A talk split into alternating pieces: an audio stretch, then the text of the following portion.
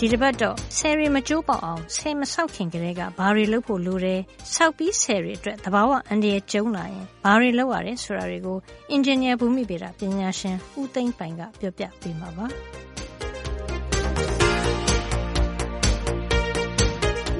ရေလောင်နိုင်တဲ့ပမာဏကိုငကိုတွေကသတ်မှတ်ပြီးသားတကယ်လို့အဲ့ဒီပမာဏနဲ့ပို့ပြီးရေတွေဝင်လာရင်ကျွန်တော်တို့ကရေပိုလွှဲဆိုတာအင်္ဂလိပ်လို spillway လို့ခေါ်တယ် ရေပိုလွှဲကဆယ်မှာ ပါပြီးသား ပိုလာတဲ့ရေတွေကို လွှဲပေးဖို့ နောက်တစ်ခါ ရေပေးဖို့အတွက်ကြတော့ ရေထုတ်ပြုံ conduit ပေါ့နော် အင်္ဂလိပ်လိုကတော့ အဲ့ဒါကလည်းဆယ်ဒီဇိုင်းမှာ ပါပြီးသားခင်ဗျ ရေလိုတဲ့အချိန်မှာ ထုတ်တယ် မလိုတဲ့အချိန်မှာ ကျွန်တော်တို့က ပိတ်ထားမယ် ရေထုတ်ပြုံကနေ တကယ်လို့ သတ်မှတ်တဲ့ပမာဏတဲ့လှောင်နိုင်တဲ့ ပမာဏတဲ့ရေက ပိုဝင်လာမယ် မိုးက ပိုများလာမယ်ဆိုလို့ရှိရင် ရေပိုလွှဲရနေပြီးတော့မှ သူ့ဒီဇိုင်းတိုင်း ရေပိုလွှဲရနေ ထွက်သွား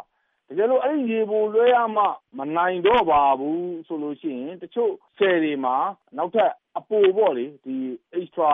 ရေပိုလဲသဘောမျိုး safety ရထည့်ထားတာမျိုးတွေရှိပါတယ်အဲ့ဒီကနေပြီးတော့မှထပ်ပြီးတော့မှလွှဲရတဲ့အနေအထားမျိုးတွေလည်းရှိတယ်အဲ့ဒါမှထပ်မနိုင်တော့ဘူးဆိုလို့ရှိရင်တော့အရန်ကိုအခြေအနေမကောင်းတော့ဘူးဆိုရင်တော့ဒီဆယ်ကြီးတစ်ခုလုံးကကျိုးပြီး dam failure ဖြစ်ပြီးတော့မှ ဆယ်အောက်ခြေမှာရှိတဲ့ လူတွေကြီးရွာတွေ တိရစ္ဆာန်တွေ အကုန်လုံး လူတွေရဲ့ အသက်အိုးအိမ်စီးစိမ်တွေက အကုန်လုံး အများကြီး ပျက်စီးဆုံးရှုံးသွားနိုင်တယ် အဲဒါကြောင့်မလို့ တချို့နေရာတွေမှာ အဲ့လိုမျိုးဆယ်ကျိုးတဲ့ အန္တရာယ်ကို ကာကွယ်ဖို့အတွက်ပေါ့လေအဲ့ဒီ emergency spillway လို့ပြောတဲ့ နေရာတွေကနေပြီးတော့မှ ရေတွေ ဖောက်ထုတ်ပြရတဲ့ဟာတွေ ရှိပါတယ် အဲ့လို ဖောက်ထုတ်ပြလိုက်တဲ့ အတွက်ကြောင့်မို့လို့ဒီအောက်ပိုင်းမှာ ရေကြီးရေလျံတာတွေ တချို့တော့ ရှိတယ် ဒါပေမဲ့ ဒါက ဆယ်ကျိုးတာတဲ့စာလို့ရှိရင်တော့ အများကြီးကံကောင်းသေးတယ်လို့ ပြောရမှာပါ ဒီက2015တုန်းက ဖြစ်ခဲ့တဲ့ကြီးုံကြီးွားဆိုလို့ရှိရင်လေအဲ့လိုပုံစံဆန်ဆန်မျိုးတော့ ရှိပါတယ် ဒီ emergency ရေဘူးလွှဲလို့ဘော်ကနေသူတို့ထုတ်ပြရတဲ့ အနေအထားမျိုးတွေပါတော့ ရှိပါတယ် တကယ်လက်တွေ့ကြုံလာရင် ဒါ မဖြစ်မနေ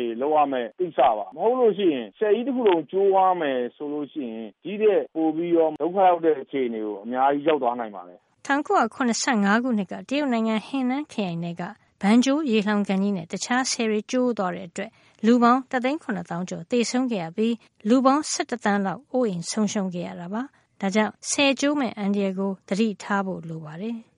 ဗမာပြည်မှာကတော့ဆည်ကြီးတခုလုံးကျိုးသွားပြီးတော့မှအကုန်လုံးဒီလူတွေသိန်းချီပြီးသေသွားတယ်တို့ဘာလို့အဲ့လိုပြဿနာမျိုးတွေကတော့မရှိသေးပါဘူးခင်ဗျ။တခြားနိုင်ငံတွေမှာတော့အများကြီးရှိခဲ့ဖူးပါတယ်။တရုတ်တို့ဘာတို့မှာဆိုလည်းဒီလိုမျိုးဆည်ကျိုးသွားတဲ့အတွက်သိန်းနဲ့ချီပြီးတော့သေသွားတဲ့အထောက်အထားတွေရှိပါတယ်။တရုတ်ပြည်မှာရှိတဲ့ဘန်ဂရီယိုဆည်ဆိုလို့ရှိရင် ၁၉၇၅ ခုနှစ်လောက်မှာ ရွာတဲ့မိုးကြောင့်ပေါ့လေ သူတို့အပြောကတော့ နှစ် ၂၀၀၀ လောက်မှ တခါ အရမ်းကိုကြီးတဲ့ မိုးမျိုးပေါ့။အဲဒီမိုးမျိုးနဲ့ ကြုံလိုက်တဲ့အခါမှာ တခါတည်းနဲ့ အဲဒီဆည်က ကျိုးပေါက်ပြီးတော့မှ ဆည်အောက်မှာရှိတဲ့ လူပေါင်း၂သိန်း၃သောင်းလောက် သေသွားတယ်ဆိုပြီးတော့မှ မှတ်တမ်းတွေ ရှိပါတယ်။ဗမာပြည်မှာတော့ အဲလောက် ဆိုးဆိုးဝါးဝါးဖြစ်ခဲ့တာမျိုးတော့ မရှိပါဘူး။ရွာတွေ ရေမြုပ်တယ်။ရေကြီးရေလျှံတဲ့အတွက်ကြောင့် ဆည်ကျိုးတာမှ မဟုတ်ပါဘူး။သာမန်မိုးကြီးလို့ ရေကြီးလို့ရှိရင်လည်း ဒီရေထဲမျောပါပြီးတော့မှ လူတွေ ကျွဲနွား တိရစ္ဆာန်တွေ အိုးအိမ်တွေ ပါသွားတာမျိုးတွေလည်း ရှိပါတယ်။ဒါပေမဲ့ တကယ် ဆည်ကြီးကျိုးသွားပြီးတော့မှ အကုန်လုံး ဒုက္ခရောက်ပြီးတော့ လူတွေ သိန်းချီပြီး သေသွားတယ်ဆိုတဲ့ အဖြစ်အပျက်မျိုးကတော့ဗမာပြည်မှာ မရှိသေးပါဘူးခင်ဗျ။ဆည်ကိုတည်ဆောက်ဖို့ လုပ်ကတည်းက လိုအပ်ချက်ပေါ်လိုက်ပြီး ဆည်ဒီဇိုင်းကို ချရတာ ဖြစ်ပေမဲ့သဘာဝဘေးအန္တရာယ်က မမျှော်လင့်ဘဲကြုံရတတ်တယ် ဆိုတာကို သတိထားသင့်ပါတယ် ဆည်ဆောက်တယ်ဆိုတာ နည်းပညာအရ လိုအပ်ချက်တွေ လေ့လာရမယ့် အချက်တွေကတော့ အများကြီးရှိတယ်။တခါတရံကျတော့ ကိုယ်လိုချင်တဲ့အတိုင်း လုပ်လို့မရဘဲနဲ့ သဘာဝရဲ့ ပေးထားချက်တွေရှိတယ်။သဘာဝရဲ့ ပေးထားချက်တွေပေါ် မူတည်ပြီးတော့မှ ချင့်ချိန်လုပ်ရတဲ့အခါကျတော့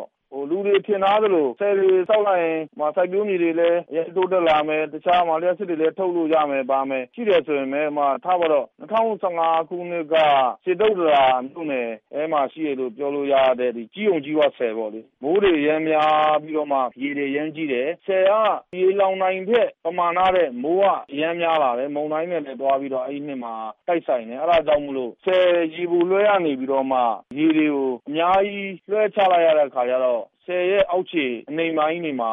ရေတွေအများကြီးကြီးပြီးတော့ လူတွေလည်း ရေဘေးဒုက္ခတွေ အများကြီးရောက်ခဲ့ကြတာ ရှိတယ်ပေါ့လေ။အဲလိုမျိုးလာတဲ့ မိုးရေချိန်အကုန်လုံးကို ဖမ်းထားနိုင်အောင် အရင်တုန်းက ဒီဇိုင်းမလုပ်ခဲ့ဘူးလား မေးလို့ရတယ် သို့တော်လည်းပဲဆည်ကိုရေလှောင်ဖို့လုပ်တဲ့အခါမှာသူ့ရဲ့ရေပယ်ကမြင့်လာလေမြင့်လာလေရေပြင်ရဲ့အကျယ်ကလည်းများသွားလေများသွားလေနဲ့ရေပြင်ကျယ်ကျယ်လှောင်ဖို့ဆိုရင်မြေပြင်လည်းများများလိုတယ်မြေပြင်များများလိုအဲ့ဒီမြေပြင်ကတကယ်လွတ်နေတဲ့မြေပြင်ဖြစ်ရင်တော့ပြဿနာမဟုတ်ဘူးတချို့နေရာတွေကဥမာလူတွေနေထိုင်တဲ့ကြေးရွာတွေရှိမယ်တန်ဖိုးမဖြတ်နိုင်တဲ့ဥမာရှေးအောင်စာအုပ်လိုဟာမျိုးတွေရှိမယ်အဲ့ဒါတွေကိုရှောင်ရှားပြီးလုပ်ရတဲ့အခါကျတော့ကိုလိုချင်တဲ့ဒီဇိုင်းတွေပဲလေအောက်ချက်မှာရောက်တာပေါ့လေ တဘာဝရဲ့ ပေးထားချက်ပေါ်မှာပဲ မူတည်ပြီးလုပ်ရတဲ့အခါကျတော့ တချို့နေရာတွေမှာ ဒီလိုလိုအပ်ချက်မျိုး ရှိသွားတာတွေလည်း ရှိပါတယ် အဲ့ဒါကိုကျတော့ အပြင်ကအတာမန်အရသားတွေကျတော့ ဒီဆယ်ဆောက်လိုက်လို့ ရေတွေက ဒီလိုကြီးတယ်လို့ပါလို့ အဲ့လိုမျိုး အမြင်တွေလည်း ရှိပါတယ် အဲ့ဒါတွေကိုကျတော့ တကယ်ကြမ်းသားတဲ့ဒီပညာရှင်တွေကနေ ပြည်သူလူထုကိုဒီပညာပေးတာလို့ပါလို့ လုပ်ဖို့ လိုအပ်ပါတယ် လျှက်စစ်ရဖို့ဖြစ်စေစိုက်ပျိုးမြေနဲ့ဒေသခံတွေအတွက်ရေရအောင်ဖြစ်စေရေကြီးရေရှမ်းမှုကိုကာကွယ်ဖို့ဖြစ်စေလိုအပ်လို့ဆယ်ဆောက်ရမယ်ဆိုရင်ဝန်းကျင်မပျက်စီးအောင်အဓိကထားရမှာမို့မဆောက်ခင်မှာတေးသေးချာချာစူးစမ်းလေ့လာရမှာပါ ဆယ်တွေမဆောက်ခင်မှာတဘာပတ်ရင် ထိခိုက်မှုတိုင်းတာတဲ့ EIA Environmental Impact Assessment နောက်တစ်ခါ SIA Social Impact Assessment တွေပေါ့လေ အဲ့ဒါတွေကို မဆောက်ခင်မှာ ကျွမ်းကျင်တဲ့ပညာရှင်တွေနဲ့ မဖြစ်မနေလုပ်ရမယ်။ EIA ဆိုင် report တွေ ထွက်လာတဲ့အခါမှာလည်း တကယ်စောင့်မယ့်ပညာရှင်တွေက အဲ့ဒီ report တွေ ညွှန်ကြားထားတဲ့အတိုင်း လိုအပ်ချက်တွေအတိုင်း မဖြစ်မနေ ဖြည့်ဆည်းပြီးတော့မှ ဆောက်ဖို့လိုအပ်တယ် ဆောက်တဲ့အခါတွေမှာလည်း တတ်နိုင်သမျှပေါ့လေ ပထမဦးဆုံးအနေနဲ့ကတော့ သဘာဝပတ်ဝန်းကျင်ထိခိုက်မှု ကြိုတင်ကာကွယ်မှုတွေ လုပ်ပေးဖို့လိုတယ် prevention လို့ခေါ်တာပေါ့လေ အဲ့လိုမျိုး မလုပ်နိုင်ဘူးဆိုလို့ရှိရင်လည်း သဘာဝပတ်ဝန်းကျင်ထိခိုက်မှု လျော့နည်းတက်တာသွားအောင်ပေါ့လေ mitigation လုပ်ပေးဖို့လိုတယ် နောက်တစ်ခုကဆယ်ဆောက်လိုက်တဲ့အတွက်ကြောင့် နစ်နာသွားတဲ့ ဒေသခံတွေပဲဖြစ်ဖြစ်ဒီဟာတွေ စိုက်ပျိုးမြေဆိုလည်း တန်ရာတန်ကြီးရော်ကြီးပေးပြီးတော့မှ သူတို့ရဲ့ ဘဝရည်တည်မှုအတွက် အာမခံချက်ပေးပေးဖို့ လိုတယ်ပေါ့လေ ဒါကြောင့်မလို့စိုက်ပျိုးရေအတွက်ပဲဖြစ်ဖြစ်တောက်သုံးရေအတွက်ပဲဖြစ်ဖြစ်စက်မှုလုပ်ငန်းအတွက်ပဲဖြစ်ဖြစ်တကယ်လိုအပ်တယ်ဆိုရင်တော့ခုနပြောတဲ့အချက်လက်တွေကိုနားလည်တတ်ကြတဲ့ပညာရှင်တွေနဲ့ဒီလိုချာချာလေ့လာတစ်ချိန်ယူပြီးတော့မှဒီစောက်တဲ့နဲ့ဦးသိန်းပိုင်ရဲ့ပြောကြားခြင်းနဲ့ပဲဒီသတင်းဖတ်အတွက်သိပ္ပံနဲ့ဤပညာကဏ္ဍကိုဒီမှာပဲညှနာလိုက်ပါရစေနောက်တစ်ပတ်မှာပြန်ပြီးဆုံကြအောင်နော်